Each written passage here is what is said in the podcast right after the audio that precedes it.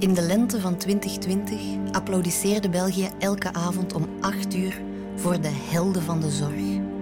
Sindsdien wordt beweerd dat we het doen voor de zorg en dat er geen artsen zijn die niet meegaan in het narratief van de overheid. Toch zijn er best wat onder hen die er compleet anders over denken.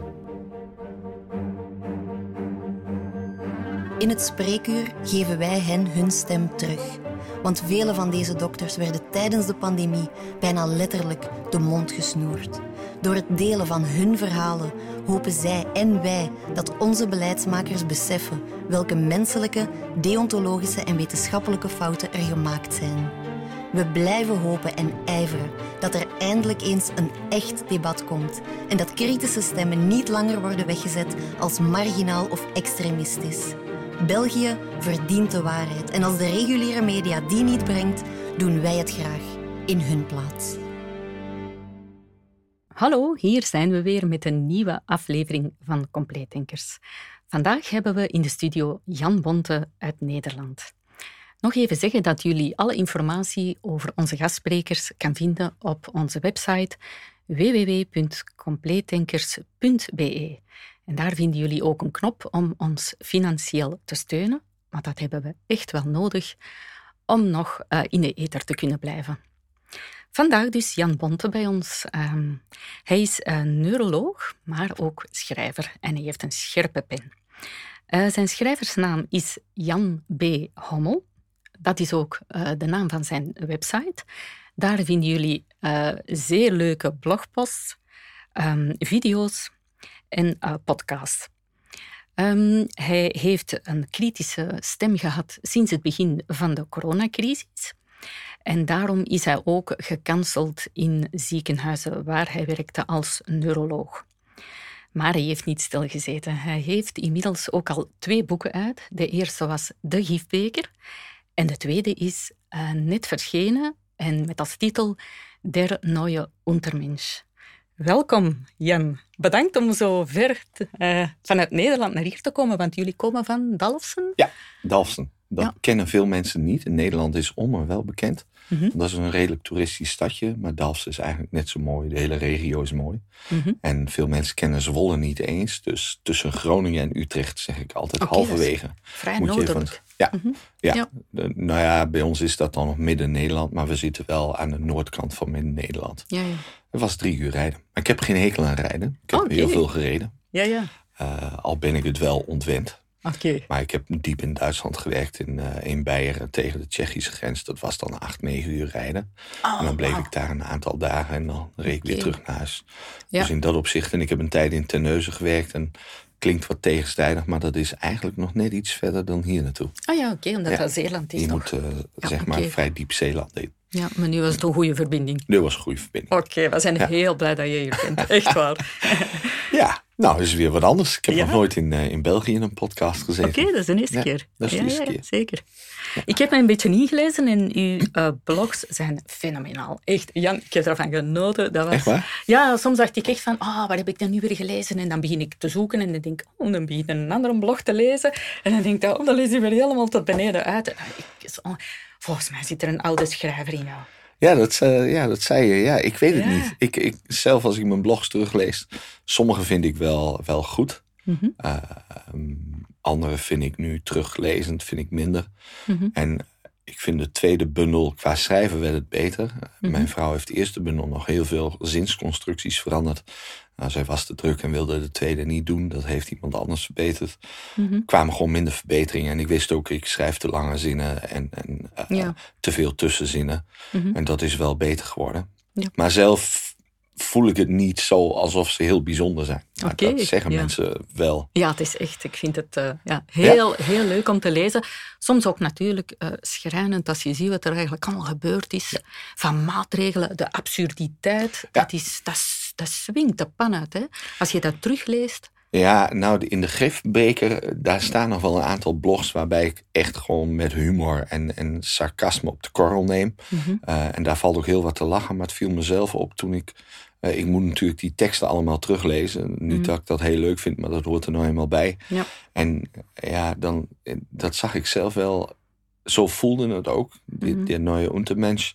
Titel zegt natuurlijk al wat. Dat was wel de zwartste periode. En dat is ook terug te lezen. de, wanhoop, de wanhoop en de woede spatten vanaf. En er mhm. zijn nog wel een aantal dingen. Ja, waarvan ik dan vind, dat is mijn bijtende humor. Het mhm. cynisme, dat druipte vanaf. Mm Maar het lachen was me op dat moment wel vergaan. Ja, de moment dat je het boek schreef. Ja, ja, ja die blogs vooral. en Der Neue Untermensch, dat was natuurlijk vlak voordat de, het coronatoegangsbewijs ingevoerd zou worden. Mhm. Eh, de beelden uit Duitsland waar mensen gewoon uh, afgetuigd werden. Frankrijk waar uh, de zwarte hordes over de terrassen gingen om mensen te controleren. De meest absurde situatie. een dokter David Ely op Twitter deelt nog wel eens situaties. Mensen in tentjes, mensen met muziekinstrumenten die door een gat in een mondkapje uh, een fluit bespelen. Mensen in, in de zee zwemmen. Uh, mensen die van het strand gejaagd worden. Kinderen die uh, niet op speelplaatsen mochten komen. Die waren afgezet en werden bewaakt door militairen. De volstrekte, absolute gekte. Mm En de idiotie. En ook, ook de teleurstelling van mensen die er klakkeloos aan meededen. Dat mhm. was één ding. En dan de fanatici die dit allemaal perfect normaal vonden. Mm. Dat heeft mij vertrouwen. Ja, weet je, ergens als je over de geschiedenis leest, of het nou over de Tweede Wereldoorlog gaat of over Aboriginals. Ik heb een paar documentaires gekeken van John Pilger. Pilger. Moet je niet naar kijken als je, als je wilt lachen, want het valt mhm. weinig te lachen. Mhm. Je weet dat mensen zo zijn. En toch valt het tegen als je het zelf aan een lijve haast meemaakt. En dan vergeleken bij heel veel eh, zaken in de geschiedenis viel dit nog mee. Mhm. Ik bedoel, maar heeft mijn vertrouwen in mensen wel definitief beschadigd. Ja. Dat wil zeggen in de grote groep. Maar er waren altijd, de waren en zijn altijd mensen die wel opstaan en die zich wel uitspraken, ongeacht wat de consequenties waren. Ja. En daar hou ik me ook nu aan vast. Oké. Die mensen zijn de moeite waard. Daar wil ik me de rest, rest van mijn leven, of het nou kort of lang duurt, wil ik me mee omgeven. En een mhm. heel aantal mensen. Ik heb niet veel vrienden verloren, dat moet ik heel eerlijk zeggen. Oh nee, toch niet? Nee. Okay, Eén vriendin van mijn vrouw, die al heel lang bij ons komt, die zal ik ook niet de toegang tot huis ontzeggen. Mm Maar die heb ik wel, wel duidelijk laten weten wat ik ervan vond. Mm ja, en die zegt dan ja, maar vaccineren of, of het coronatoegangsbewijs, ja, je maakt toch een keuze en dat is een consequentie. En die heb mhm. ik ook keihard gezegd. Ja, weet je, je bent geen haar beter dan de Duitsers die het prima vonden dat de Joden niet op een bankje in het park mochten zitten. Mhm. En later niet in het park mochten zitten. Ja, maar Jood zijn was geen keuze. En toen heb ik ook gezegd, weet je hoe Dachau is begonnen? Nee, dat wisten ze niet. Ik zeg, daar zaten als eerste de communisten en de socialisten. Mhm. Die hadden wel een keus. Mhm. Had ik die dan moeten kiezen om geen uh, socialist te zijn of geen communist te zijn? Dat hadden ze toch ook kunnen kiezen. Ik zeg, wat is hier anders aan? Het is gewoon primair fout. Al helemaal fout op basis van een, uh, een, een keuze voor of tegen een behandeling. Want daar komt het eigenlijk neer dat het bepalend is mhm. eh, voor wat je mag en wat je niet mag. Mhm. En daar kwam ook, er is heel gericht ingezet op het gebruik van de volkswoede tegen ongevaccineerden om ze te dwingen om zich te laten vaccineren. En dat is zo fundamenteel fout mhm. dat een overheid zich van dat soort tactieken bedient. Um, Absoluut. En, en, uiteindelijk, Omicron heeft ons gered. uh, simpelweg omdat mensen begonnen te twijfelen. Het lag niet aan de ongevaccineerden. De gevaccineerden raakten ook gewoon besmet. Ook besmet. En werden ook gewoon ziek. En ik heb al heel vroeg gezegd, de overheid heeft zich enorm vastgedraaid. Want uh, men heeft dat enorme testcircus op touw gezet. Maar dat betekent dat je besmettingen bleef vinden. Of ze nou fout positief waren of niet, dat deed er niet toe. Dus ik heb al heel lang gezegd van ja, dit is een catch-22. Zolang de pandemie niet stopt, stopt de testen niet. En zolang het testen niet stopt, stopt de pandemie niet. Ja. En dus men moest op een gegeven moment hakken. Dat heeft men gedaan. Ze zeiden de pandemie is voorbij. En nog geen twee weken later zei, nou dan stoppen we ook met testen. Ja. Maar dat was de enige manier. Ja, absoluut. Zeker. En als je dat niet gedaan had, dan was de mm. pandemie eigenlijk eind 2020, begin 2021 was het al geëindigd. Al geëindigd, ja, absoluut. En, en zie je dat eigenlijk ook als een gedragsexperiment? ja, absoluut. Dat is ook overal gedaan. En uh, de WOP, jongens, Wouter Aukema, heeft vooral uh, dat uitgezocht. Dat het echt gewoon. Ik bedoel, dat is ook open en bloot. Het werd aangestuurd door de NCTV in Nederland. En op Europees niveau werd het aangestuurd via eigenlijk de NAVO-landen. Uh, om een soortgelijke aanpak in elk land. de Britse Sage B, dat is de tegenhanger van de gedragsunit van het RIVM. Die mhm. hebben achteraf ook gezegd, die, die psychologische manipulatietactieken, dat was totalitair en dat hadden we niet mogen doen. Die hebben mhm. daar ook hun excuus voor aangeboden. En in Duitsland is eigenlijk hetzelfde gebeurd met uh, de paniek, uh, paniekpaper uh, van het Duitse Bundesinnenministerium. Die hadden hetzelfde, die had hetzelfde doel, het volk angst aanjagen. Mhm. En in Nederland was dat gedragsunit. Maar ze heeft, eh, men heeft zich enorm verkeken op de bijwerking daarvan.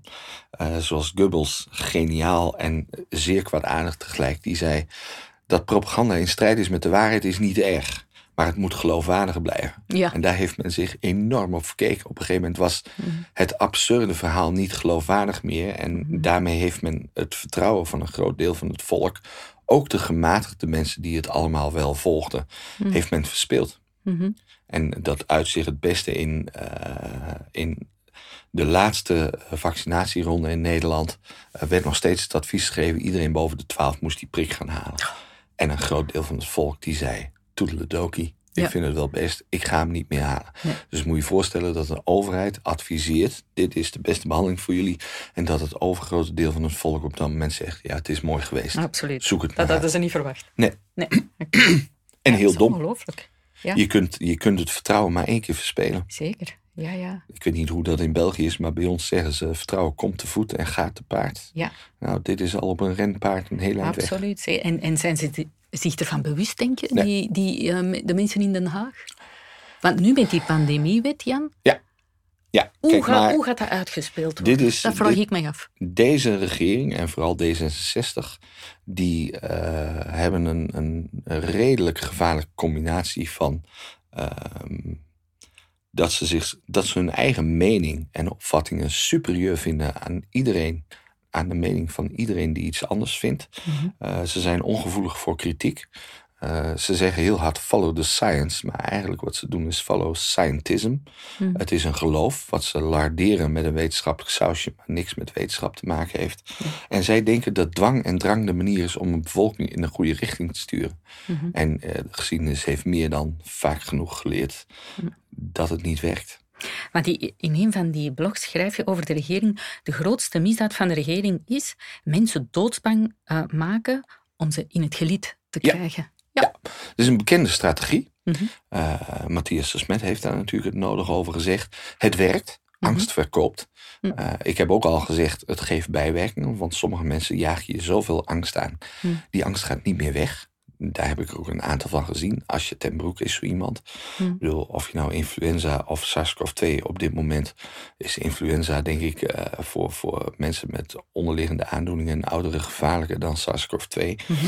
Maar die angst voor dit virus zit er zo diep in. Hm. Bij mensen die gevoelig daarvoor zijn angst heeft de, uh, de vervelende neiging, of heeft ja, een, een, bepalende neiging dat mensen blikvernauwing krijgen. Dat is ook nodig, want mhm. het onderwerp van die angst, dat is een bedreiging, dus dat moet je neutraliseren, dus moet je de rest vergeten. Mhm. Maar er is altijd een groep mensen waarbij die vernauwing van die, van die blik niet meer weggaat. Die mhm. blijven gefocust op dat virus en op de enorme bedreiging die daarvan uitgaat, die er al lang niet meer is. Hmm. Die was er misschien in het begin voor een bepaalde groep mensen, voor het overgrote deel natuurlijk niet. Hmm. Uh, maar die angst bij die mensen blijft bestaan. En hoe zal dat komen, denk je? Wat zal dat, dat is een fenomeen. Okay, de, de, ik bedoel, dat is niet alleen bij COVID zo. Je ziet het ook bij mensen met paniekstoornissen, mensen met dwang. Mhm. Dat er bepaalde uh, situaties zijn die die angst weer oproepen. Die zich heel moeilijk laten onderdrukken.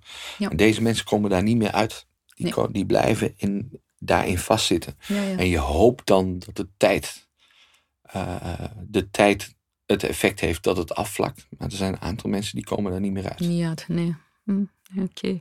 Zeg, uh, dus jouw nieuwe boek. Hè? Ja. Uh, Heb jij van voor de coronacrisis, had jij al een fascinatie voor het fascisme in de Tweede Wereldoorlog? Omdat je er enorm veel van weet, hè? Ja, maar dat was altijd, het was altijd al zo, maar het, blijft dan abstract. In de Tweede Wereldoorlog, ik heb natuurlijk veel over gelezen. Mhm. Eh, nou, ik ik weet niet hoe jij het beleefd hebt, maar ik ben er van een leeftijd. Ik heb de Koude Oorlog heel bewust meegemaakt. Mhm.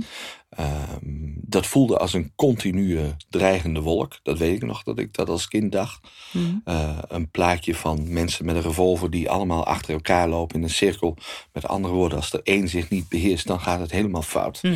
Eh, dat gevoel heb ik heel erg meegekregen. Dus Tweede Wereldoorlog, Koude Oorlog, Ehm, wat er verder gebeurd is, dat interesseerde me altijd al. Mhm. Eerst vanuit een romantische inslag dat oorlog romantisch is. En door de jaren heen heb ik geleerd dat oorlog natuurlijk iets verschrikkelijks is. En dat er niks romantisch aan is. En alleen maar dood en verderf.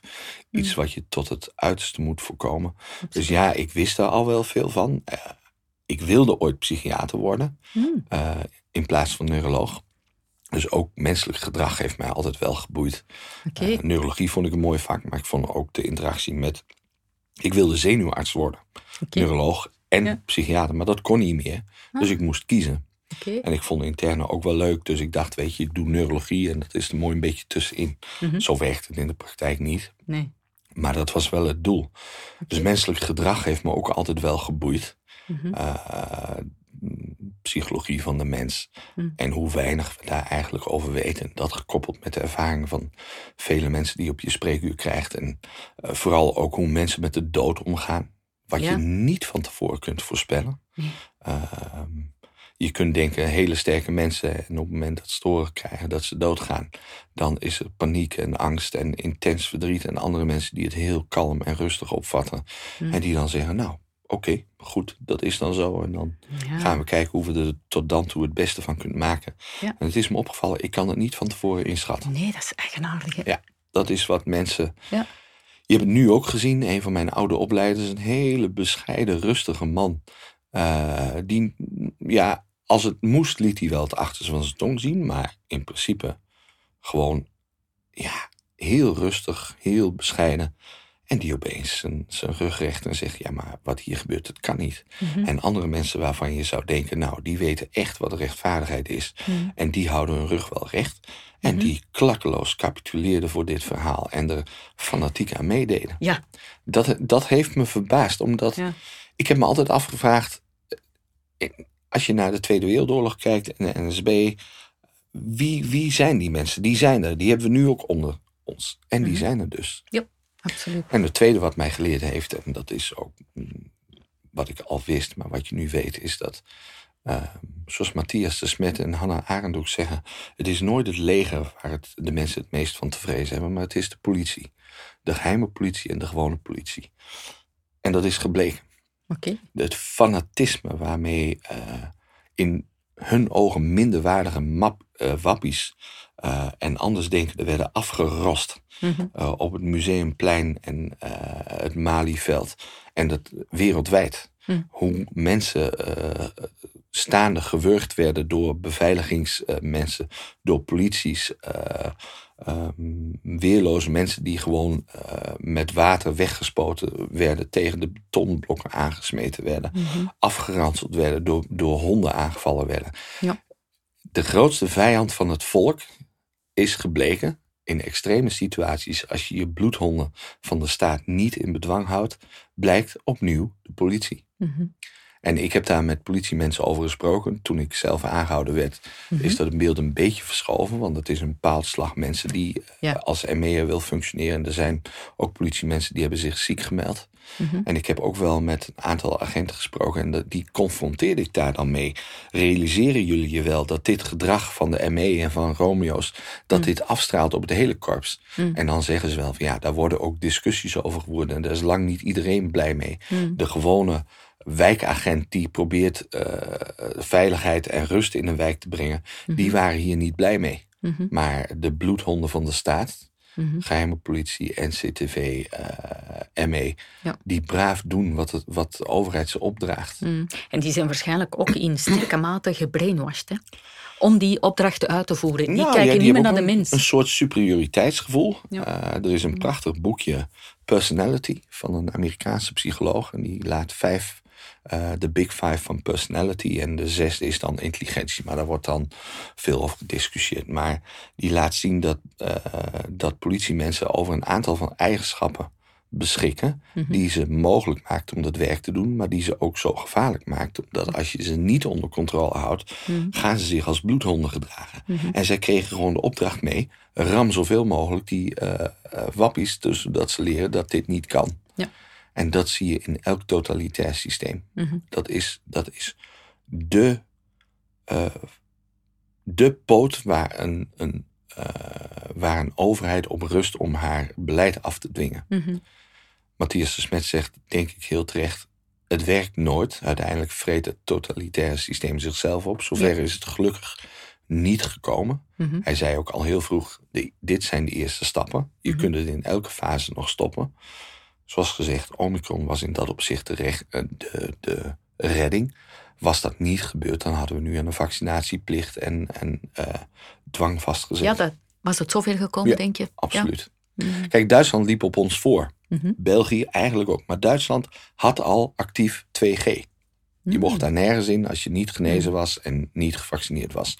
En ook daar was een hele strenge beperking op. Uh, je was zes maanden genezen en daarna was je gewoon weer besmettelijk. Was je de neue Untermensch, zeg maar. Hm. En um, dat 2G is daar uiteindelijk verdwenen, maar het was er al. En daar werd ook gewoon openlijk uh, gepleit, notabene in Beieren, dat uh, ongevaccineerden dan maar afgevoerd moesten worden naar kampen. Ja. Naar detentiekampen. En dan denk je, nou, enig historisch besef is jullie dus blijkbaar volledig vreemd. Ja. Maar toen kwam Omicron. Hm. En toen begon een groot deel van het volk begon te twijfelen. Klopt het wel? Uh, is het wel waar wat de overheid ons vertelt? Dat was natuurlijk de beste bestrijding om, als het ware, die woede te laten verwaaien. Dat hmm. heb ik ook in een van die blogs geschreven. Van ja, het volk begon te twijfelen, de woede verwaaide, uh, de verwarring sloeg toe. En dat was het einde van de opmars. Hmm. En ik mag hopen dat dat zo blijft. Ik denk het wel. Ja? Ja, ik spreek veel mensen die niks anders zien dan het journaal en de plaatselijke suffetje. Ja. En als ik die dan vraag van goh, wat vind je er nou helemaal van? En dan zeggen ze, ja, ik weet niet of het allemaal wel zo nodig was, al die maatregelen. En ja, die vaccinatie. Ja, ja. Ik, ik, ben nu al twee, drie keer ziek geweest. Hoe kan dat nou? Ja, absoluut. Zo ja. heel veel, een hele groep mensen. En dat waren de gematigde mensen, waar de middengroep waar de smet het over heeft, die, mm. die wel voor reden vatbaar zijn, maar die gewoon weinig kritiekvol meeliepen met maatregelen. Mhm. Ik vond dat uh, het laatste gesprek wat ik gezien heb van Matthias de Smet, volgens mij was het een van zijn eerste interviews um, bij Weltsmets. Mm En dat was met een Iraanse die mhm. gevlucht is. En ik dacht dat ik alles wel gezien had van de Smet en ik had zijn boek gelezen. Ik denk, nou, een beetje kijken nog een keer. Mm juist het verhaal van die Iraanse was zo indrukwekkend, omdat zij dat aan een lijve meegemaakt had. Ze had mhm. onder de Shah geleefd, de machtswisseling meegemaakt. Mm. En ze, wat zij zei was wel heel mooi. Ze zei: Achteraf heb ik mensen gevraagd die toen fanatiek meededen. Mhm. Tot aan moeders toe die zelf de strop om de hals van hun zoon legden. Gewoon onvoorstelbaar. En dat zij achteraf vraagt: van, hoe, hoe is het nou zo gekomen? En dat die mensen tegen haar zeiden, die meest fanatieke. We weten het niet. We waren gewoon gehersenspoeld. Okay. We, we waren zo heilig overtuigd dat dat het goede was om te doen. Mhm letterlijk weer hetzelfde. Brainwashed. Brainwashed, ja. absoluut. En, we hebben het daar net al even heel kort over gehad. Dat blijkt ook wel uit de psychologische literatuur. We hadden het er al over dat veel critici mensen waren die sowieso al een beetje graag buiten de groep stonden, graag observeerden, zelfstandig waren. Je moet daar ook gevoelig voor zijn. Mhm. Je moet het belangrijk vinden om tot een groep te behoren. En als je van jezelf al een beetje buiten de groep staat, is het makkelijker om daarnaar te kijken en je af te vragen: wat, wat, wat gebeurt hier eigenlijk? Dat is me heel sterk opgevallen. Ik was zelf natuurlijk altijd al een buitenbeentje. In de medische wereld was ik al in sommige ziekenhuizen niet welkom, omdat ik erg kritisch was en toch in vele opzichten niet paste binnen dat medische establishment. Mhm. Maar dat heb ik ook bij veel andere mensen gezien. Ja. Veel ZZP'ers, veel zelfstandige ondernemers. Ehm, maar ook de mensen die wel in loondienst of wel in een organisatie werkten. Als ik ze naar vraag, was je echt een groepsmens vroeger als kind? Hm. Nee. nee. Bijna ah, niemand. Oké, dat is echt een, eh, een eigenschap. Ja. ja. ja. je moet gevoelig zijn voor die groepsgedachte, het onderdeel uit willen maken van een groep, dat je blijkbaar ook makkelijker te manipuleren bent. Ja, ja. En ik heb daar een beetje in de, in de oude psychologische literatuur naar teruggezocht. En ja, de Smet haalt veel Le Bon uh, aan. Ik ben een boekje aan het lezen, is helemaal niet zo heel dik, maar het komt eigenlijk op hetzelfde neer. Mm ja. Dan, uh, maar, maar, toch denk ik, als je zo een tegenstem geeft, hè, je bijvoorbeeld aan tafel zit met 10, 15 mensen en die, die hebben allemaal het coronanarratief gevolgd. Um, toch, als je een andere mening hebt, mensen luisteren toch wel vrij. Allee, gefascineerd. Niet dat ze u direct gelijk geven, maar um, ze horen soms toch wel graag een kritische stem. Vind ik. Misschien niet allemaal, maar nu, het is toch... Mijn nu, ja. Toen op die moment was dat gevaarlijk. En, en ik, ik, dat wist ik al uit de praktijk, eh, geneeskundige praktijk. Als mensen niet naar je willen luisteren, hmm. dan maakt het niet uit wat je vertelt. dat geldt in de spreekkamer net zo goed als daarbuiten. Ja. De Smet zei al heel vroeg, je moet niet de fanatici proberen te overtuigen. Je moet je richten op die middengroep. Hmm. Uh, dat heb ik ook steeds geprobeerd te doen. Ik ben qua pen en ook op social media, ik sla hard van me af. Als mhm. ik geslagen word, ik kan incasseren, maar kan ook flink uitdelen. Mhm. Maar qua inhoudelijk heb ik geprobeerd het middenweg te zoeken. En dat heeft denk ik veel mensen wel...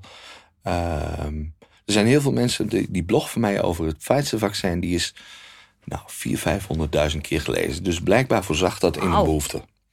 Dat was gewoon, en dat was gewoon een bespreking. Dit is hoe Big Pharma haar producten aanprijst. Dus mhm. pas op. Mhm. Eh, er zijn heel veel dingen die we niet weten. En dat heb ik ook aan het eind van die blog gezegd. Dit zijn de vragen die overblijven. Uh, die zijn niet beantwoord. Het ging over de transmissie. Dat ging over de duur van de bescherming. Beschermt het ook daadwerkelijk tegen ernstige ziekten en overlijden? Ja, door COVID-19. Maar over de algemene sterfte bedoel, Kuipers zegt in de Kamer doodleuk... ja, weer twijfelen over de vaccins, maar die werken gewoon. Nou, hm. dat ligt wel even genuanceerder. Ja, ze werken tegen het voorkomen van ernstige ziekten en overlijden door COVID-19. Hm. Daar gaat ons artikel wat net gepubliceerd is over. Daar valt ook nog wel het een en ander op aan te merken. Maar als je kijkt naar het effect op de algemene sterfte. Mm. Uh, Christine Stable-Ben, een Deense hoogleraar, publiceerde al bijna een jaar geleden een artikel waarbij ze alle uh, data van de registratietrials samenvatten en liet zien dat er voor de vectorvaccins van AstraZeneca en Janssen en Janssen mm. was er wel een effect op de algemene sterfte, maar van de mRNA-vaccins niet. En uh, wat in die, want die studies, dat was meteen de kritiek. Ja, maar die registratiestudies hebben maar kort geduurd. Ja, stel ik je grappenmakers. Hm. Dat mag zo zijn. Hm. Maar op grond van die resultaten is het middel wel geregistreerd.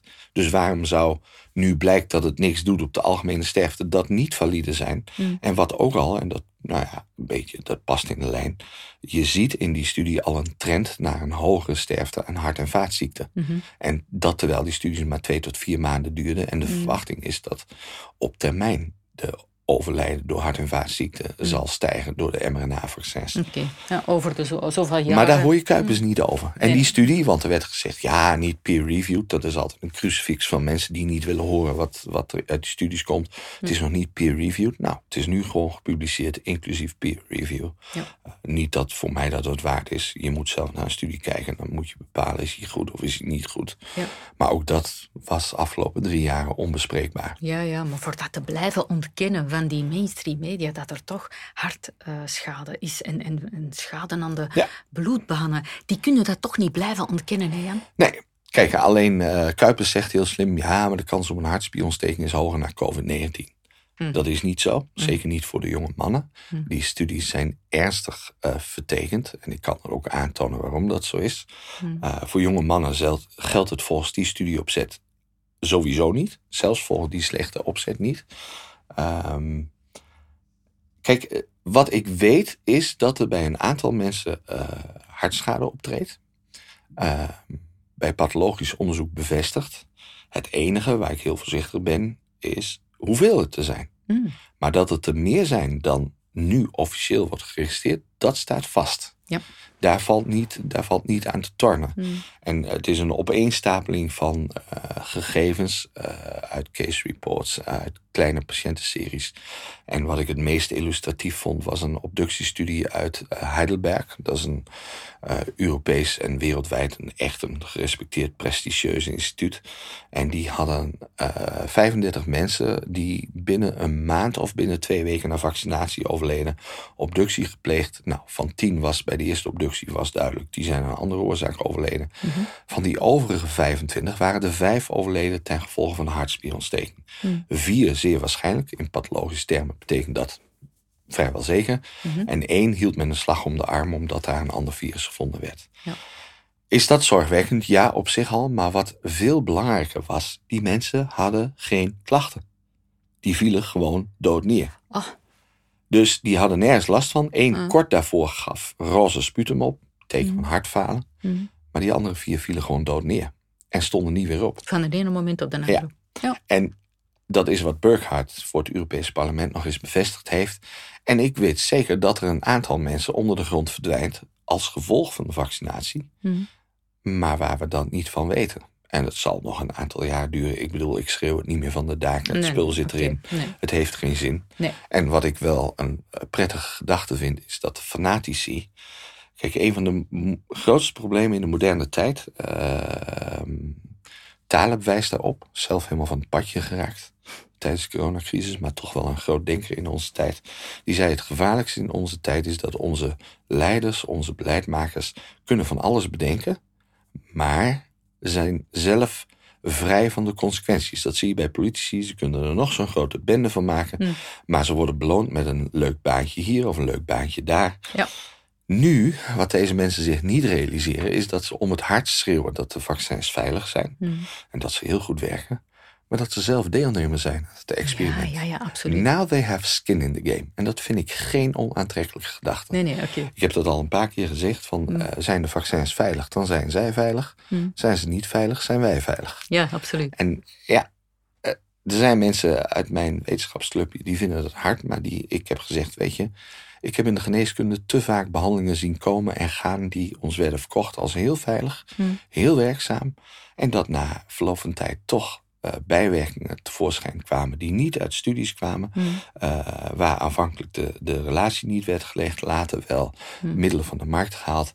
En ik heb hier gezegd, er is geen betere manier om mensen te leren voorzichtig te zijn met het uitrollen van een nieuwe techniek, hmm. dan ze voor hun roekeloosheid te laten betalen met hun leven of dat van hun kinderen. Ja. Instant karma noemen ze dat. En ja. Uh, de, mensen zeggen, ja, dat mag een dokter niet zeggen. Nou, ik voel me al lang geen neuroloog meer. Nee, nee. Uh, ik ben het nog steeds. Ik mag die titel nog steeds voeren. Ja. Niet dat ik daar nou erg veel belang aan hecht. Nee, nee. Ik vind altijd dat je naar de argumenten moet luisteren, niet naar de titel. Ja. Er zijn mensen die zeggen dat mag je niet zo zeggen. Ik vind dat ik dat wel zo mag zeggen. Ja, ik heb een, uh, het interview gezien op uh, De Nieuwe Wereld met Marlies Dekkers. Ja. En uh, met de bespreking van de gifbeker was dat ook zo even een, een, een, discussie over dat zij ook vond dat jij daar een beetje te hard in was. Ja. In het oordeel. Nee, kijk, ik heb dat daar misschien, ik weet niet eens meer wat ik precies gezegd heb. Waar ik echt mee te doen heb, zijn de mensen die in hun naïviteit geloofden dat de overheid het beste met ze voor had. Ja, daar ging het en meer Big over. Pharma. Ja, ja, dat is waar. Met die mensen heb ik echt te doen, want die, had, die hebben en hadden dit niet verdiend. Het gaat mij om de fanatici. Mhm. De mensen die ons verketterden, terwijl we eigenlijk deden wat van ons verwacht mocht worden. Dat is een groot verschil, ja. dat is waar. Kijk, eh, wat ik geprobeerd heb van begin af aan, jongens, kijk, uh, Big Pharma heeft een reputatie van haar spulletjes mooi oppoetsen, heel mooi in de etalage te zetten. Mm. Maar dit is wat erachter zit. Dat heb ik mm. van begin af aan gedaan.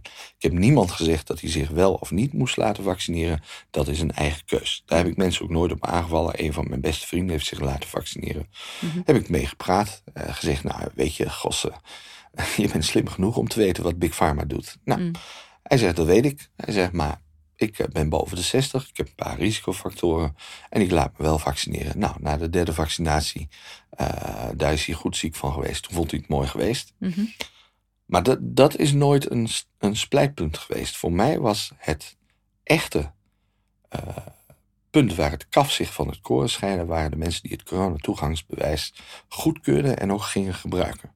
Mhm. daar, daar, en dat heeft denk ik ook heel veel kwaad bloed gezet. Absoluut. Ja. En vandaar de vergelijking in jouw boek. Zeker en vast. Ja. Maar dat horen ze niet graag, hè, Jan. Dat ligt zeer gevoelig, hè, bij ons hier in, in Vlaanderen ook. Ja. En daarmee vind ik dat goed dat er zoiets een boek uitkomt. het mag zeker vergeleken worden. ik bedoel, iedereen weet wat ik daarmee bedoel.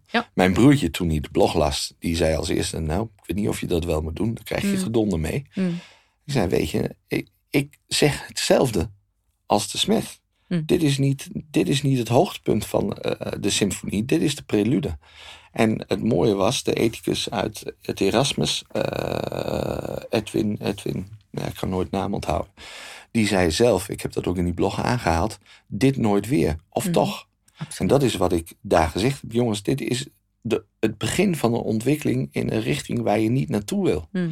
En dat is dat je een bepaalde groep mensen aanduidt als onverantwoordelijk, uh, egoïstisch. Mm. Uh, en die zich niet willen voegen naar wat the greater good for the country is. Mm. Dat is wat, wat elk totalitair systeem mee begint. En egoïstisch zijn en niet naar de, naar de ja. familie En dus waren het minderwaardige mensen. Ja. Ze namen hun verantwoordelijkheid niet. Ze waren uh, egoïstisch. Ze moesten opgesloten worden. Ik heb één blog, die heb ik niet gepubliceerd. Het waren allemaal tweets waarin stond van nou, uh, de Cyclone B staat klaar. En uh, mm. neem de trein naar het oosten. En je moest een kogel door je kop en ze moesten je ophangen. Mm dan kun je zeggen, ja, die mensen deden dat voor een deel anoniem. Maar Ab Osterhaus zegt gewoon, ja, je zou ze het liefst op een eiland zetten. Hmm. Een Beierse politicus die zei, ja, ik vind eigenlijk dat ze opgesloten moeten worden. Zet ze maar op de trein en sluit ze maar op in een kamp. Schande gewoon. En al die mensen, ik bedoel, het was internationaal, ongevaccineerden waren de zondepok. Die waren de oorzaak van dat de pandemie voortduurde. Die waren er de oorzaak van dat er nieuwe mutaties ontstonden. Hmm. En oh, ironie, nog geen half jaar na het begin bleek dat uh, nieuwe mutaties met name uitgeselecteerd werden in gevaccineerden. Hmm. Iets wat deskundigen ook al zeiden, je immuniseert smal. Dus het, het virus kan daar veel makkelijker omheen muteren. Nou, dat zag je in twee studies gebeuren. Mm. Nu eergisteren nog weer een studie gepubliceerd die dat eigenlijk hetzelfde laat zien. En we wisten al heel vroeg, als je opgelet had, dat vaccinatie de transmissie niet voorkwam. Ja. En Pfizer en Moderna hebben daar ook geen onderzoek naar gedaan, want het was geen eis voor registratie. Dus waarom zouden ze daar iets over zeggen? Hmm. Moderna zegt het zelfs in de studie. Hmm. We weten nog niets van het effect op transmissie, maar het werd gebracht. Natuurlijk deed het dat. Hmm. Natuurlijk deed het dat. En nu weten we dat mensen na vijf, zes maanden zelfs gemakkelijker geïnfecteerd raken. Oh, het is onwaarschijnlijk. Ja. Ja, en dan is een, een harde topper het moment dat je dat dan hè, braafjes allemaal zeggen halen en dan... Ik, ik, ik zal het zelf nooit vergeten. Ik heb dat bij Weltsmets op 11 juni volgens mij, 2021 heb ik al gezegd. Jongens, er zijn publicaties van verpleegkundigen één of twee weken na vaccinatie die hele hoge titers van neutraliserende antilichamen hebben, maar mm. desondanks hele grote hoeveelheden virus bij zich dragen. Hmm. En die mensen stuur je nou het ziekenhuis in, want die hebben geen of nauwelijks klachten. Dat zwakke mensen liggen. En die zit je bij de zwakke mensen. Ja. En nog geen half jaar later, ik moest er wel om lachen, zegt de directeur van de OLVG. Ja, we moeten die mensen met een positieve test toch maar inzetten, want anders kunnen we het ziekenhuis niet draaien. Nee. En dan zetten we ze een wat te veel weg. Toen dacht ik, nou, dit is, dit is de idiotie ten top. En een half jaar geleden waren het paria's. Hmm. Nu blijkt het gevaccineerden te zijn en nu zet je ze gewoon in, in een ziekenhuis. Ja dat is toch... De stupiditeit ten top. Ten top, ja. Dat is onwaarschijnlijk. Nou, en dat, dat is ook wel uh, wat je in een totalitair en in een uh, centralisatie van de macht. Als je, ik heb een boek gelezen over de, uh, de, de rise and fall of great nations. En wat die auteur betuigt, wat je in elk totalitair systeem en elk systeem wat op wat uiteindelijk zijn ondergang tegemoet gaat, is centralisatie van de macht. Mijn mm jongere broertje zegt: dit is, zijn de nadagen van Rome, wat je ziet. Maatregelen worden steeds absurder, worden steeds oninvoelbaarder. Het volk heeft steeds meer het idee, ja, wat jullie daar zitten te doen, dat gaat nergens over. De afstand tussen uh, politiek, leiders en het volk wordt steeds groter. In dit geval letterlijk, want de macht gaat naar Brussel toe. En je ziet dan dat zo'n zo'n topmacht decreten uitvaardigt die steeds absurder worden en die de werking steeds meer volledig missen en vaak contraproductief werken. Nou, tel daarbij op de vriendjespolitiek, de netwerkcorruptie, zoals dat in eh, moderne termen heet, de zelfverrijking onder politici. Uh, dan, en ja, tel daarbij een financiële crisis op waar ik helemaal niks van weet. Ja. Maar Ab Flips heeft mij daar het een en ander over uitgelegd. Het, het, het, dreigende einde van, van het fiscale systeem, het economische systeem zoals dat nu zit. Ja, En je hebt een, een recept voor een grote chaos. Een teleurgang van de... Ja. Ja. En als dan natuurlijk de Great Reset als uh, de oplossing komt... Het is ook geen complot. Absoluut. Het is wel mislukt. Ja. Denk jij dat al mislukt is? Ja, de eerste fase is mislukt. Wat de bedoeling was, was ons aan een vaccinatiepaspoort als eerste. Maar dat kan misschien nog komen. Uh, dat kan komen, maar je ziet een tegenbeweging op gang komen. Dat is zo. Er zijn allerlei mensen die speciaal naar een bank gaan, contant geld halen. En zoveel mogelijk contant betalen. Zeker. Mensen die een mobiele uh, smartphone wegdoen. En die teruggaan naar een oude Nokia. Ja. Mensen, kijk, wat technocraten denken is dat ze alles kunnen reguleren. En dat ze alles kunnen manipuleren zoals je dat met een computer doet. Hmm. Je zet er zo'n module in, je zet er zo'n module in en dan werkt het zoals het was. Hmm. De grootste fout die ze hier gemaakt hebben, ik heb dat volgens mij in het blog Complexe Complotten gezet. Kijk, Big Tech die wilde dat vaccinatiepaspoort en daar waren twee eisen voor nodig. Dat was een dodelijk virus en er was een uh, eh, 100% uh, effectief vaccin wat volledig veilig was. Nou, iedere arts, iedere uh, bioloog had ze kunnen zeggen dat vooral dat laatste, dat dat waarschijnlijk niet zou worden. En toen bleek, de eerste was, dat virus bleek niet zo heel dodelijk. Dat viel eigenlijk wel mee. Het was maximaal twee keer de sterfte van influenza, griep. En dat was het dan. Dat heeft men tot in het absurde proberen te rekken. Dat COVID was heel dodelijk, heel gevaarlijk. Iedereen ging eraan dood. Ja ik geloof dat een Duitse minister of een Amerikaanse minister zei: uh, je gaat dood of je bent gevaccineerd. Dat, dat, was het. Dat waren de twee opties. Ik bedoel, we wisten al heel vroeg dat het overgrote deel van de mensen er niets van te vrezen had. Zeker jonge, gezonde mensen. Dat was de eerste misrekening. Toen kwamen de vaccins. En die vaccins bleken het eigenlijk niet zo heel goed te doen. Mensen raakten alsnog geïnfecteerd, werden alsnog ziek. Dus Big Tech en Big Pharma hebben daar, laten we het zo zeggen, niet optimaal samengewerkt. Hmm. En dat was aanleiding. Ik heb, ik heb wel vaker gezegd, als men dat vaccinatiepaspoort ingevoerd had voor een virus als polio en mazelen, was het ongemerkt aan mij voorbij gegaan. Mm Had ik gedacht, maar nou, op zich valt best wat voor te zeggen. Hmm. Eh, ik heb niet zo'n probleem mee, want ik ben gevaccineerd. Nou ja, die paar mensen die zich niet laten vaccineren, jammer dan. Ja. Uh, al moet ik zeggen, er is een Europees arrest geweest dat volgens mij Hongarije het recht gaf om uh, vaccinatie tegen mazelen verplicht te maken. Hmm. Toen bekroop me al een onaangenaam gevoel. Toen dacht ik, hmm.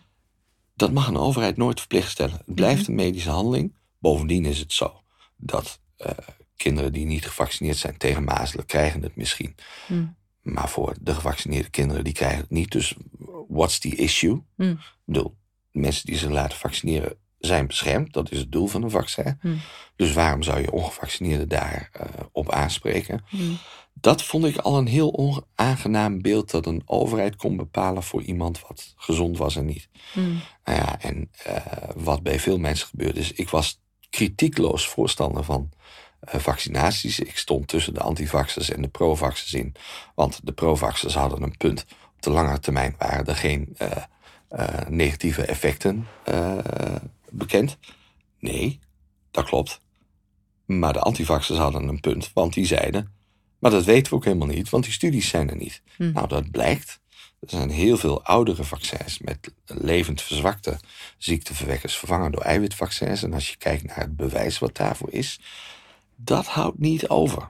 Dus ik sta daar nu wel kritisch tegenover. En ik krijg vaak de vraag: ja, mijn kinderen staan voor vaccinatie, wat moet ik nou doen? Hmm. En dan zeg ik weer, die beslissing moet je zelf maken. Ja. Uh, en zou je het zelf opnieuw doen?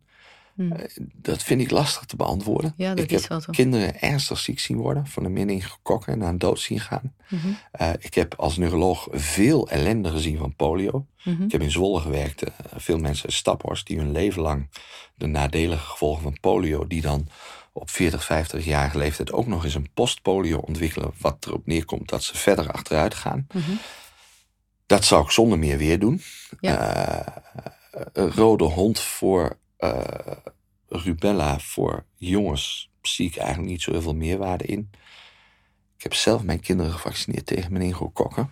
Mhm. tegen I en W waren toen nieuwe strains. Mhm. Ik wist dat, dat die kans klein was, maar ik heb daar wel kinderen binnen no time aan dood zien gaan of hele ernstige complicaties. Ja, als je dat voor je ogen ziet gebeuren, dat ja, is. en dat, ik wil zeggen, dat is geen wetenschap. Dat is, want ik weet nog steeds niet wat de lange termijn effecten zijn. En diezelfde Christine Stable-Bell, die publiceerde recent weer een artikel, die zei, we kijken veel te nauw naar die vaccins. En dit is absoluut iemand die voor vaccinatie is, maar die zegt, we moeten veel breder kijken. Uh, we weten dat vaccinatie mensen ook kan beschermen tegen andere infectieziekten. Hmm. De bacil, uh, bacil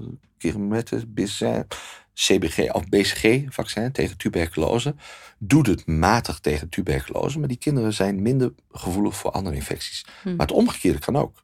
Hmm. Het kan dus zijn dat een vaccinatie tegen één ziekte verwekken mensen gevoeliger maakt voor andere infecties. Nu zie je veel streptokokkeninfecties, zegt men. Heeft hmm. het daarmee te maken?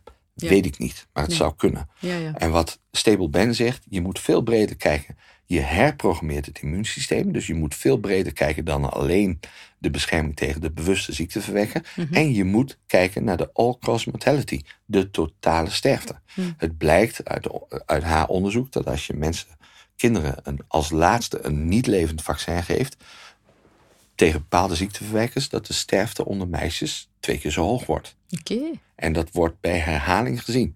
Dus zij pleit ook voor wat is de interactie tussen die verschillende vaccins. Dat weten we niet. Nee. Dus er is heel veel onbekend. En ik ben als dokter steeds voorzichtiger geworden, omdat we veel te, uh, te, te roekeloos zijn met het ingrijpen in complexe biologische systemen, ja.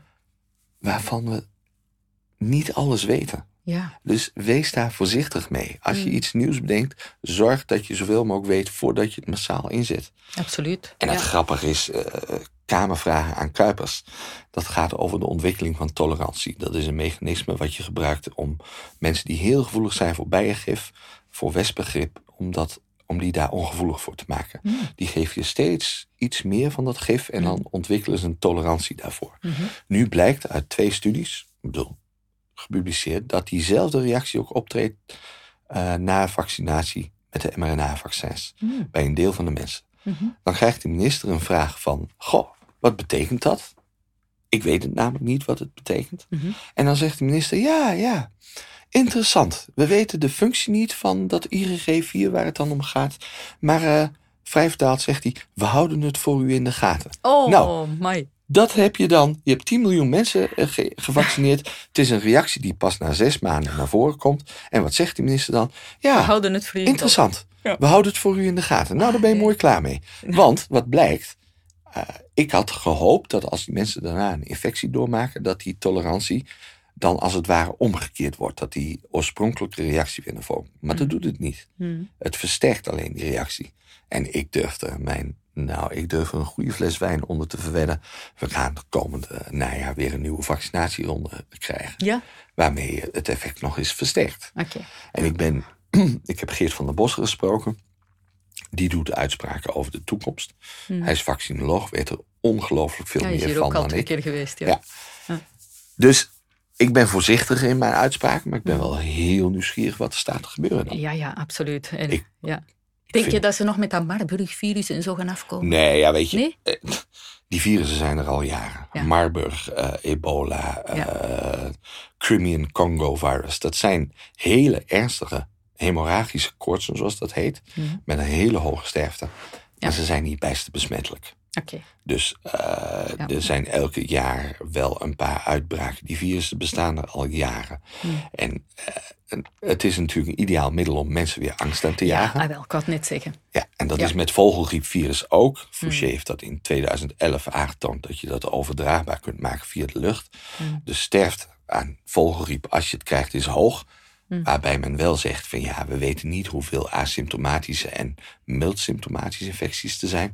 Maar dat virus wordt niet overgedragen tussen mensen. Niet of nauwelijks. Dat is, dat is één of twee keer beschreven. Van vogels op mensen, ja, dat kan.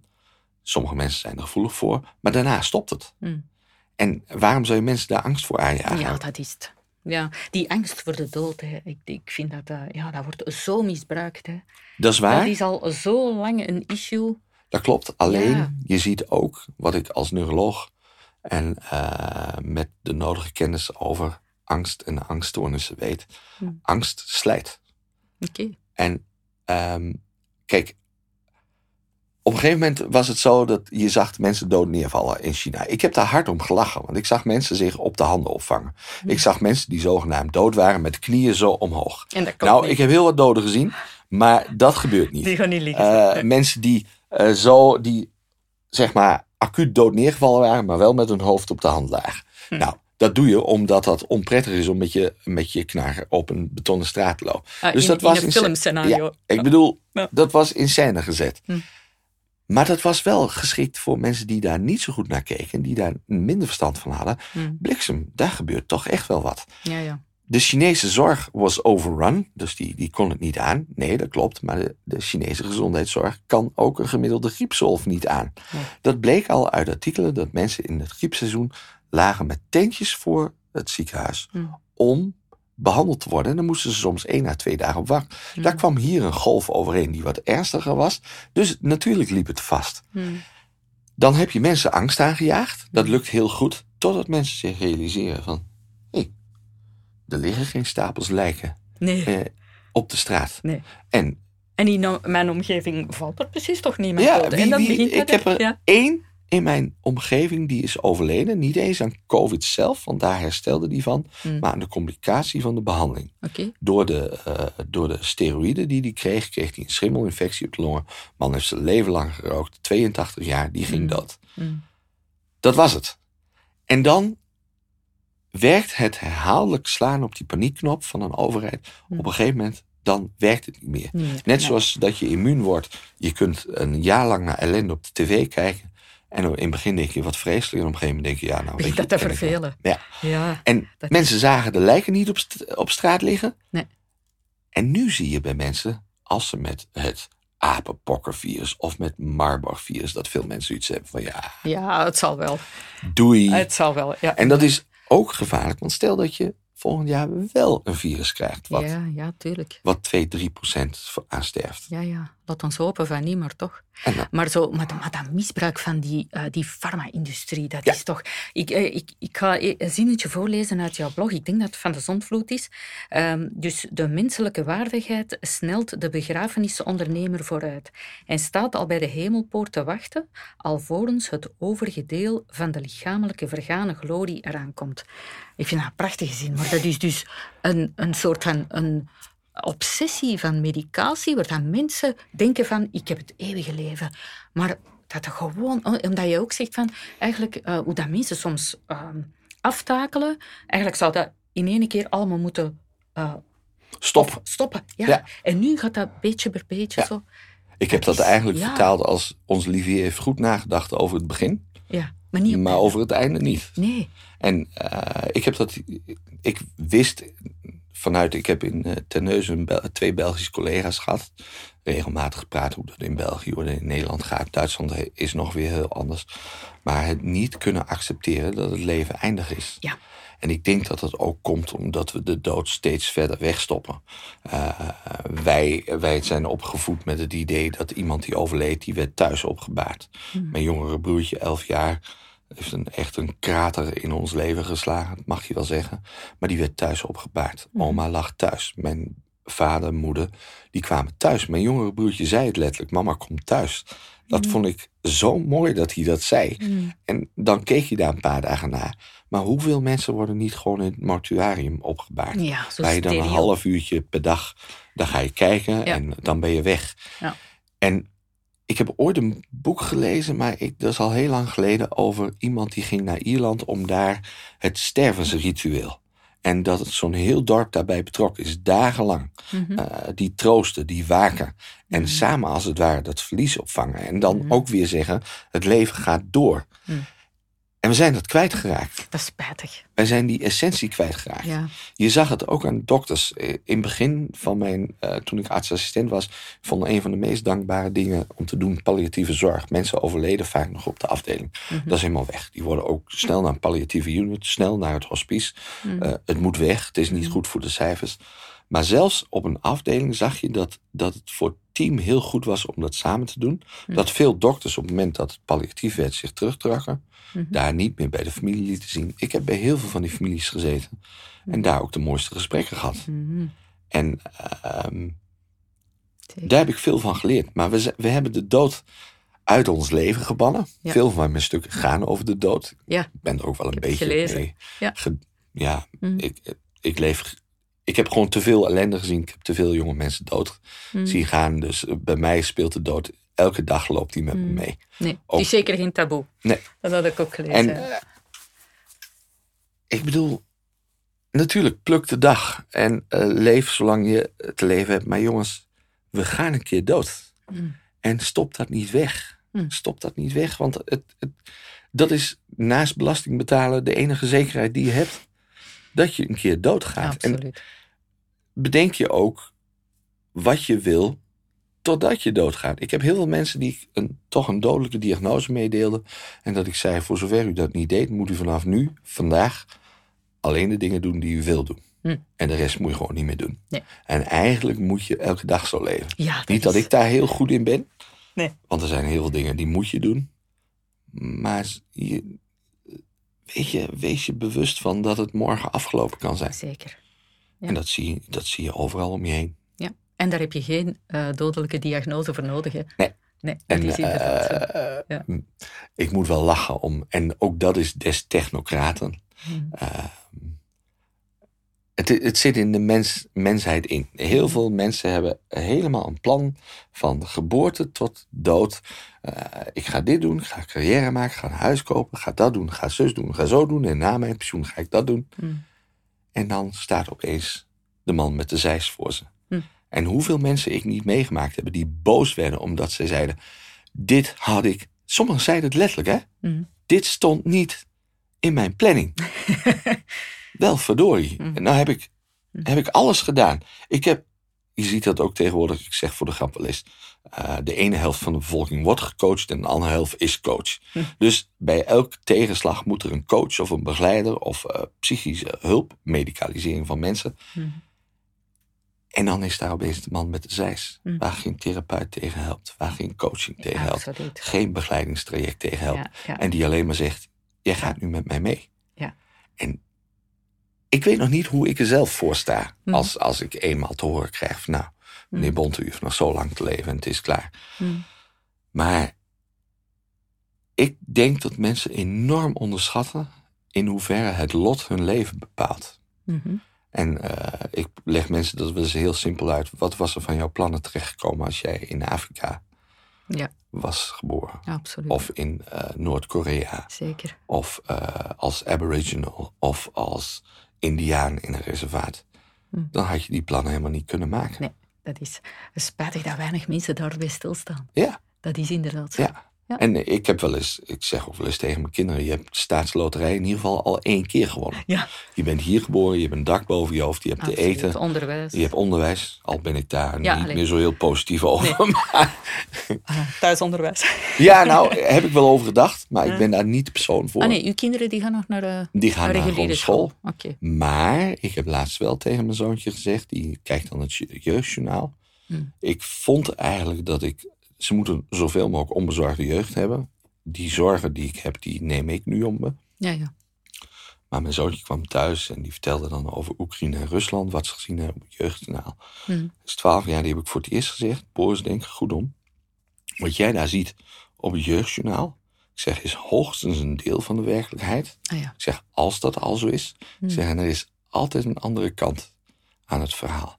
En dat moet je je goed realiseren. Vertrouw nooit op wat de televisie en de kranten je vertellen, Hm. maar vraag je altijd af, wat zegt de andere partij? Ja, Wat is de andere kant van het want de verhaal? Russische kinderen die krijgen dan het tegenovergestelde te horen. Ja. Kijk, want de- eh, er was een, iemand die had een eh, vrije perslezing gehouden. Die had zelf in Moskou geleden. Had dus letterlijk de censuur aan een lijf ondervonden. Mhm.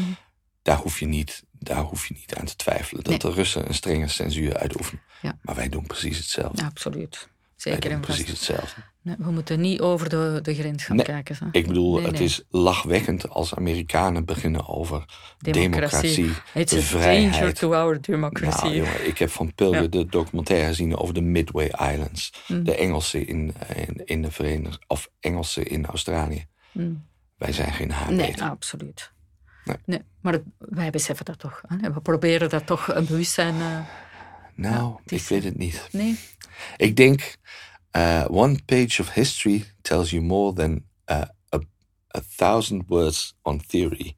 En ik denk inderdaad, wij zouden, als we één verplicht vak zouden moeten hebben, Mm. is het geschiedenis. Mm. En dan uh, mensen documentaires laten zien van onafhankelijke journalisten. ja, ja, belangrijk. Ja. Want de geschiedenis in de schoolboeken... De overwinnaar schrijft de geschiedenis. Absoluut, ja. Nederlands-Indië was het enige wat ik ervan wist. Als jochie, nou, de Nederlanders hebben daar eh, goed werk gedaan. Mm. Dat ze zich als beesten misdragen hebben. Dat Mhm. eh, Indiërs gewoon afgeslacht werden.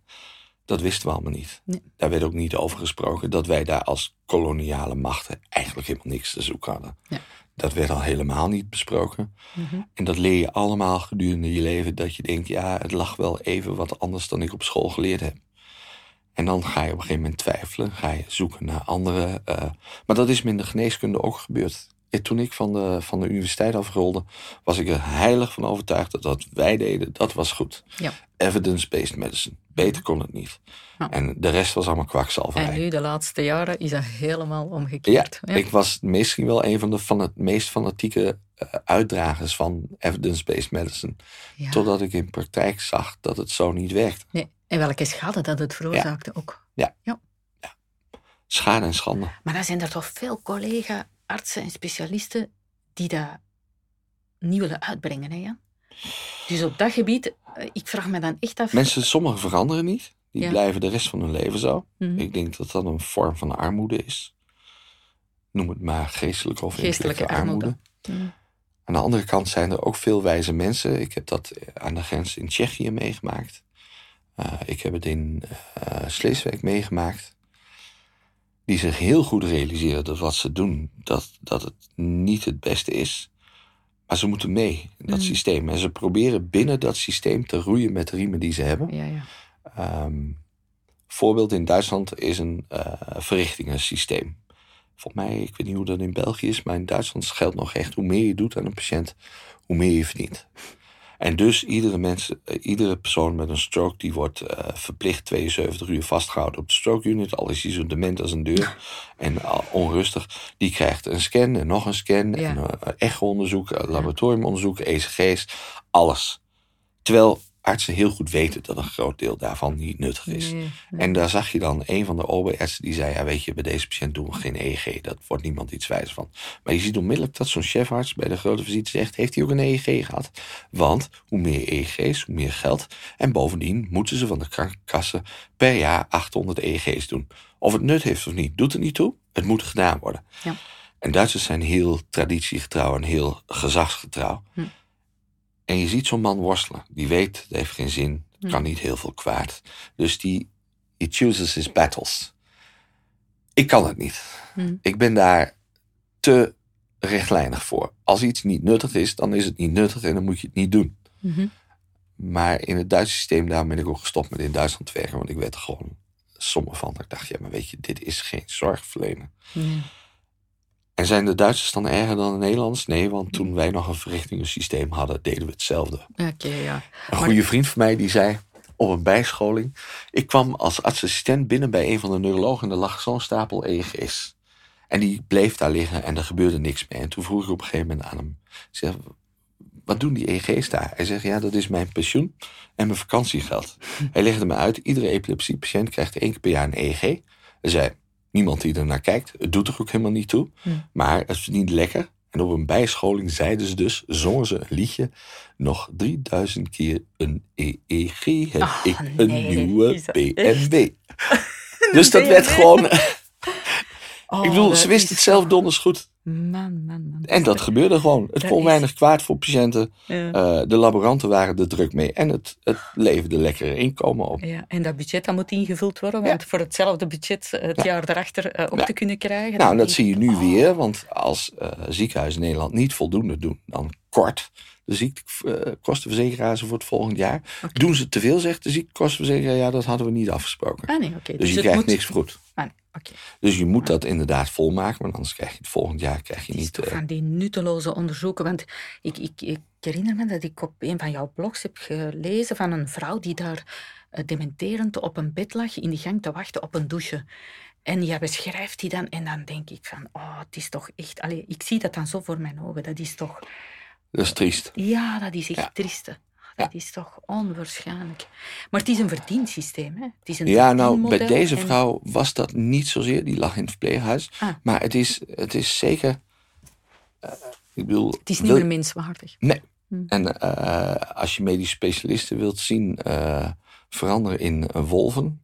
Hm. zet er een zak geld tussenin.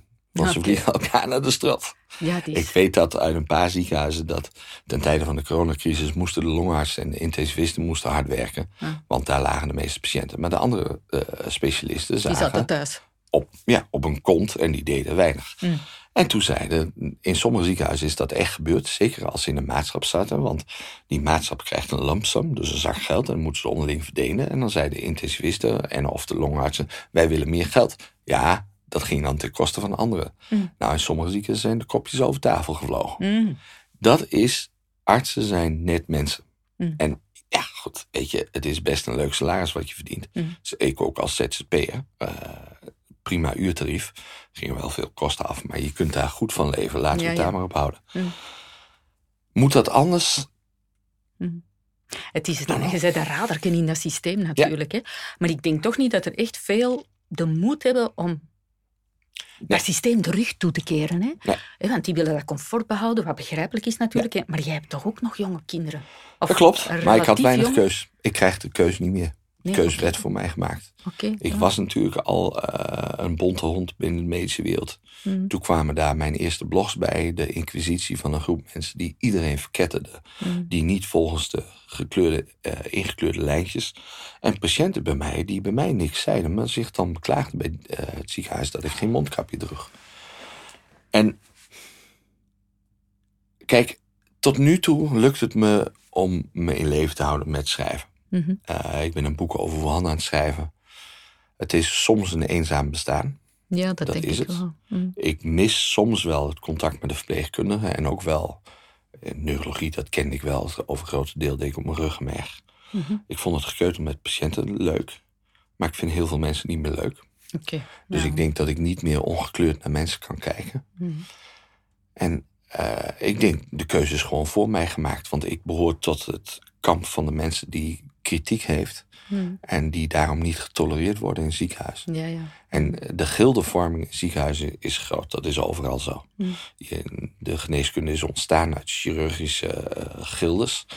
En daar hoort een bepaald gedrag en een bepaalde opvatting en een bepaalde kleding bij. Mhm. En die regels die daarbij hoorden zijn de afgelopen twintig jaar ook steeds strenger geworden. Oké, dus dat was niet meer licht leefbaar zo om... Een, een, uh, een, die goede vriend van mij die is nu uh, dik in de zestig en die heeft daar veel langer in gewerkt dan ik. En die heb ik wel eens gevraagd, is dat nou anders geworden? Ja, zei hij, dat is mhm. zo. Okay. Het is strenger geworden, mhm. meer conformistisch je moet in, uh, aan de leiband lopen. Doe je dat niet, dan sta je buitenspel. Ja, dat zou niks meer voor u zijn. Nee, nee, nee. Oh, dat is iets... Nee, dat is... Ik heb mijn dochter dat uitgelegd. Al zou ik het willen, ik zou het niet kunnen. Nee, nee, absoluut. Het, zit er gewoon niet in. Nee. Zeg, nog eens een andere vraag. Ik, een, een hele schone blog vond ik die van Vrouwen Melancholica. Ja. Dat was zo mooi. Heb je dat geschreven, de moment dat je aan dit boek bezig was? Nee, die komt later. Oké. Eh, de derde bundel die ga ik Hommeles noemen. Natuurlijk, na mijn, uh, daar komen de politieke stukken in. En uh, Hommeles, verschillende, of de vrouw Melancholica zeiden... mensen, dat moet je niet publiceren, want dat is gewoon, dat is privé. Hmm. En toen dacht ik, ja, weet je, mensen hebben toch een, een zekere schroom om te vertellen over psychiatrische aandoeningen. Want al snel word je als gek weggezet. Dat gebeurde dus ook. Hmm. Nou, daar kan ik wel tegen. Okay. dat is een soort taboe toch nog altijd, hè? Om over, Dat was dus eigenlijk een depressie dat je doormaakte. melancholische depressie. Okay. Iets wat bij ons in de familie zit. Hm. Drie grote gehad, echt heel ernstige. Hm. daarvoor ook behandeld. En toen dacht ik, ja weet je, ook dit is het leven.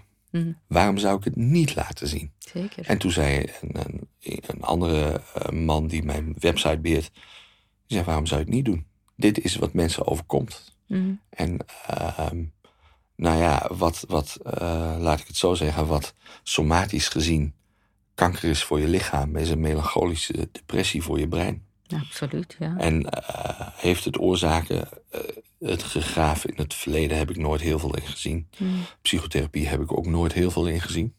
Ik hmm. bedoel, uh, farmaceuten blazeren de kluit met een wetenschappelijk onderzoek, maar uh, vlakte de, de psychotherapeuten en hun onderzoek ook niet uit. Want dat is vaak even, evenzeer brandhout.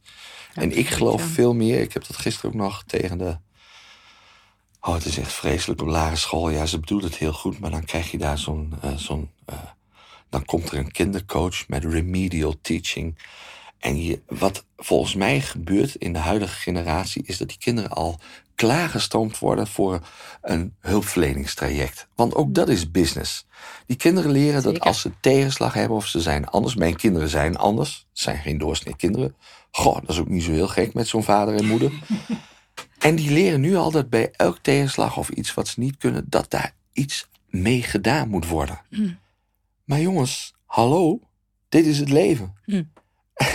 Een Afrikaan die honger heeft en wiens koe doodgaat, heeft er ook niet een coach naast die zegt van uh, neem het niet zo zwaar op, wees positief.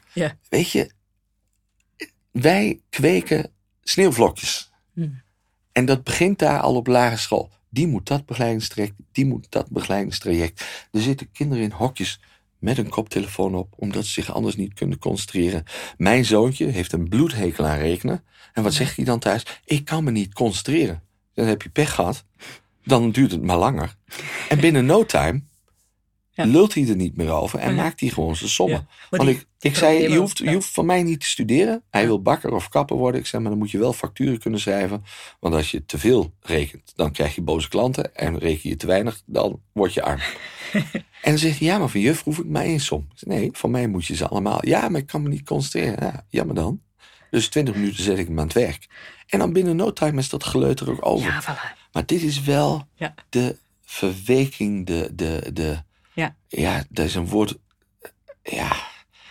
Maar dan heeft hij dyscalculie. Ja. Ja, voilà. ja. En, en als dyslexie en ADHD en ADD. Ja, oh, als, ik, als ik hier een psycholoog op loslaat, dan had hij al ADHD. Ik heb zo'n meisje op school gehad, die nipte aan een kopje thee. En die zei, had volgens mij nog nooit zelf een kind van dichtbij gezien. Ja, volgens mij is uw zoon of hoogbegaafd of heeft ADHD. Oh ja. Toen zei ik tegen haar, ik zeg zelfs volgens het DSM, wat niks met wetenschap te maken heeft, dat is een consensussysteem, mag je op deze leeftijd die diagnose nog niet eens stellen. Mm. Ik zeg, en weet je, volgens mij heb ik het ook ergens opgeschreven, jouw voorspelling is niet heel veel beter dan het weer. Voor vanmiddag gaat het nog redelijk, voor morgen ook en overmorgen wat al betrouwbaar. En over zes maanden is het volstrekte flauwekul. Ja. Dus ik wil dit, ja, want hij wilde, zij wilde hem laten testen. Dat is de schoolbegeleider die hij nu heeft. Een lief mens, hard op de goede plek. Maar die begint dan dat hij hem wil laten testen op executieve vaardigheden. Nou, dan gaat het over dingen waar ik echt verstand van heb. Dan weet je, hou eens op zeg. hou eens op met deze flauwekul. Dan worden er van die geniekes gekweekt. Ik bedoel, zelfs de correlatie tussen neuropsychologisch onderzoek en hoe mensen in de dagelijkse praktijk functioneren. Ik heb mm. mensen gezien die volgens die neuropsychologische test toch al redelijk dementeerd was, mm. maar die nog redelijk functioneerden. Mm-hmm. En mensen die volstrekt niet meer functioneerden. En volgens neuropsychologisch onderzoek, nou, ging het allemaal nog wel best regelen. Ons inzicht in wat daar in die bovenkamer gebeurt en wat dat als uitingsvorm heeft, is heel beperkt. En wat we doen in deze maatschappij, dat is een tweede probleem. Dat is echt een heel groot probleem, is dat we overal pathologie van maken. Hmm. De, de, de, degene die meegeschreven heeft aan de DSM-3, die heeft een boek geschreven, Saving Normal. En die zegt, de psychologie, psychotherapie, begeleiders, coaches, die, die naderen als het ware als wolven de kinderen om het kampvuur. En dat kampvuur van normaal, dat moet ze beschermen tegen al die mensen die elk aspect van hun persoon tot pathologie maakt. waar een therapie, een begeleiding, een coachingstraject voor ja, nodig dat is. er een etiket op geplakt wordt. Ja. En dan zeggen mensen wel, ja, ik ben niet voor de etikettering. Nee, maar je doet het wel. Mhm. En het wordt een soort self-fulfilling prophecy. Want als mensen eenmaal weten dat ze ADD hebben en zich niet kunnen concentreren, Ja. dan is bij alles waar ze geen zin in hebben, Nee, kan me niet concentreren. absoluut. Zeker. En ik weet nog, vroeger, wij hadden ook een heel actief jongetje. En dan zei die leraar, de meester, die zei, ga maar een rondje om huis lopen. Of om de school, rennen. Hm. En dan kwam hij na één rondje terug, ben je al moe? Nee, dan ga nog maar een rondje rennen. En na drie rondjes kon hij zomaar een uur stilzitten. Ja. En ik, ik zie dat bij een vriendinnetje van mijn dochter. Dat is een spring in het veld. Daar moet steeds wat gebeuren. Die klimt in bomen. Hm. Ja, die is op VWO begonnen. Die is afgezakt naar HAVO. Kind past niet in het onderwijssysteem. Nee, nee. En die moet je niet proberen daarin te proppen. En te kneden. Dat gaat niet lukken. Nee, En is... bij mijn, mijn oudste zoon weet ik nu al, dat wordt een helskewei om die tot 2018 eh, of tot zijn 18e op school te houden. Ja. En ja, het is echt hilarisch. Dan zit je in begeleiding. En echt, die mensen bedoelen het beste. Ja. Maar dan zeggen ze van ja, wat, eh, eh, wat moet hij gaan doen? En bij ons heb je dan eh, kader. Dat is praktisch. Dus ik zeg tegen die, hij gaat naar kader. Ja, maar hij kan veel meer. Dus toen zei Mm. ik, definieer meer. Mm. Ja, ja, meer hoger niveau. Ik zeg, definieer hoger niveau. Ja, dan zie je zo'n leerkracht helemaal in de war raken. Ik zeg, wat jij bedoelt is dat als je uit boeken kunt leren... dat dat een hoger niveau heeft dan iemand die met zijn handen werkt. Mm. Ik zeg, daar ben ik het niet mee eens. Mm. Dit is een jongen, die moet je niet plagen met boeken. Die moet je praktische dingen laten doen. Ja. Zet het hem in de keuken. gegrepen. Het gaat goed. Ja, voilà. En hij zit nu in een praktische groep, dat noemen ze Varia-groep. Kwamen ze zelf mee, leek me een uitstekend idee. Hebben ze een hele aardige meester gaan ze vrijdagsmiddags praktische dingen doen. Koken, fietsen onderhouden, elektriciteitsdingen. Voor hem begint het weekend op vrijdagmiddag 12 uur, want dan gaat hij naar de Varia-klas. Mhm. Gaat hij dit soort dingen doen. Voilà. Absoluut. En we moeten echt, oh jongens, we moeten terug naar de waardering voor mensen op de werkvloer. De verpleegkundigen, Zeker. de dokters, de Zeker bakkers, de In de plaats van al die academici die vanuit een, een, een zeer smal eh, te- eh, beeld kijken. Ja. Zeker en vast. Ja, ja, daar ook, ook nog een podcast over doen. Over homeschooling Ja. en over het reguliere onderwijs en, en hoog afgeleid. van hoog, hoog afgeleid. Ja, hoog Ja, opgeleid zeggen ja, ze dan. Ja, zeker. Nou, dat is ook wel gebleken in deze. ehm, ons onderwijs, hoger onderwijs, maar vooral het theoretisch onderwijs, is een vorm van conformisme afdwingen. Want je hebt, je hebt je gehouden aan al die regels. Mhm. En het is me opgevallen dat veel van die hoogopgeleiden kritiekloos achter dit beleid aanliepen. Mhm. Onder een verwijzing naar de wetenschap. Ik heb laatst een man thuis gehad. En ja, die heb ik dan ook een paar vragen gesteld. Hij was twee keer ziek geweest van corona, had zich laten vaccineren. Hij kwam eigenlijk kijken wat voor raar figuur ik was. Hij moest boeken halen voor iemand anders. En dan zegt hij op een gegeven moment, ja, ik ben twee keer ziek geweest en ik zit erover te denken om de derde prik te halen. En ik, weet je, doe vooral wat je wil. Maar toen zei ik mezelf, maar vertel me eens, je bent twee keer gevaccineerd. Nou ben je twee keer ziek geweest, één keer mild, één keer ernstig. Wat verwacht je nou van die derde prik? Leg mij dat eens uit. Wat Mm, verwacht je van die Dat is een derde goede prik? vraag. En je zag hem echt zo, alsof hij zo'n tik tegen zijn hoofd kreeg. Mhm.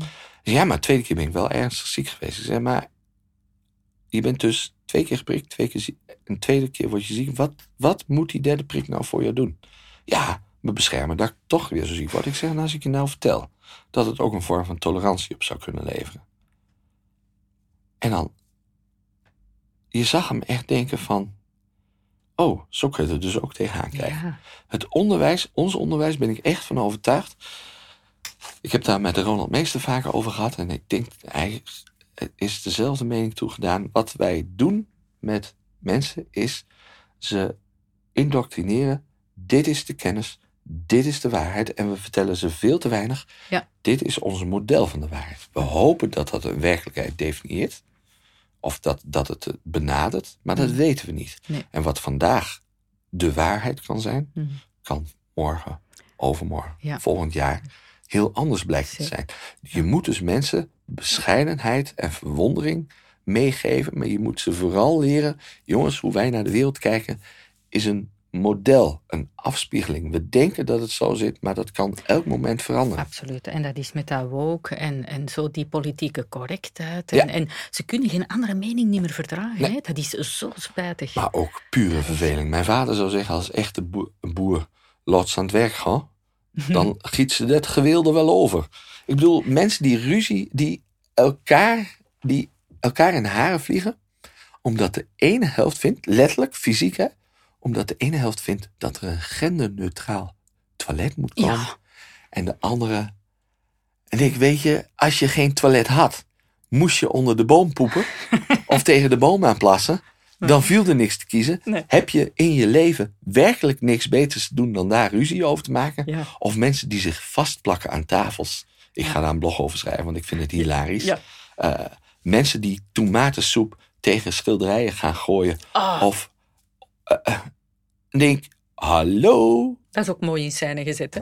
Ja, maar Dat is toch... vertel me eens Ja. wat het, wat het aan de wereld verbetert Ja. als je een schilderij onder de to- tomatensoep gooit. Ja.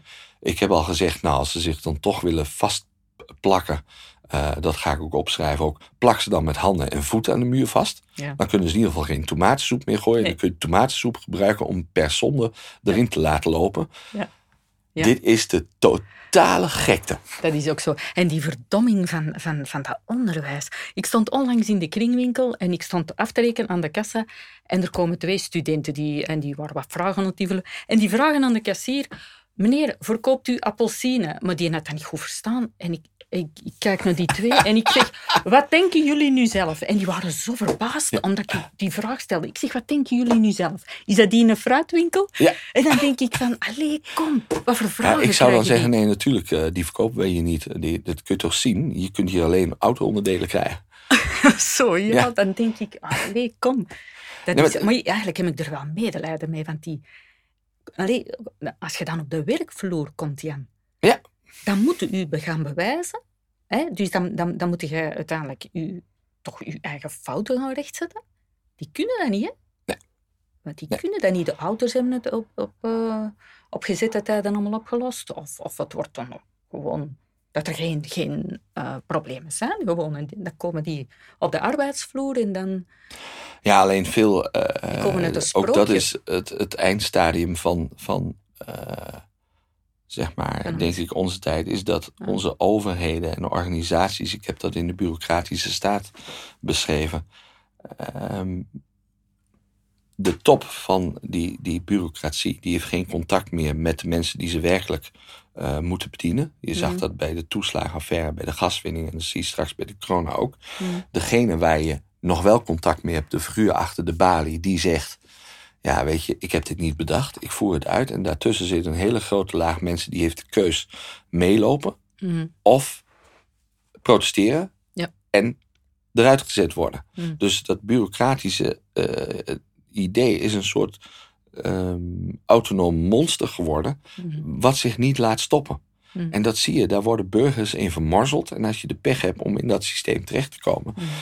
Dat maakt mij ook heel wantrouwend tegen elke interventie. En eh, dat ik ook niet wil dat, dat het onderwijs of begeleiders aan mijn kinderen komen, omdat Nee. ik denk dat ze meer kwaad dan goed doen. Ja, ja, zeker. Maar toch hou je ze voorlopig nog op een, eh, op een school. Ja, Ja, al, al was het maar omdat ik zelf geen figuur ben en mijn kinderen zijn al Einzelgangers. oké. ja. Eh, En ze hebben natuurlijk ook die vriendschappen op school. En, en daar doe ik het met ja, dat voor. is ook wel zo. Mijn dochter is teruggegaan van het VWO naar de HAVO Mm, om maar één reden, omdat ze zich niet thuis voelde in de klas.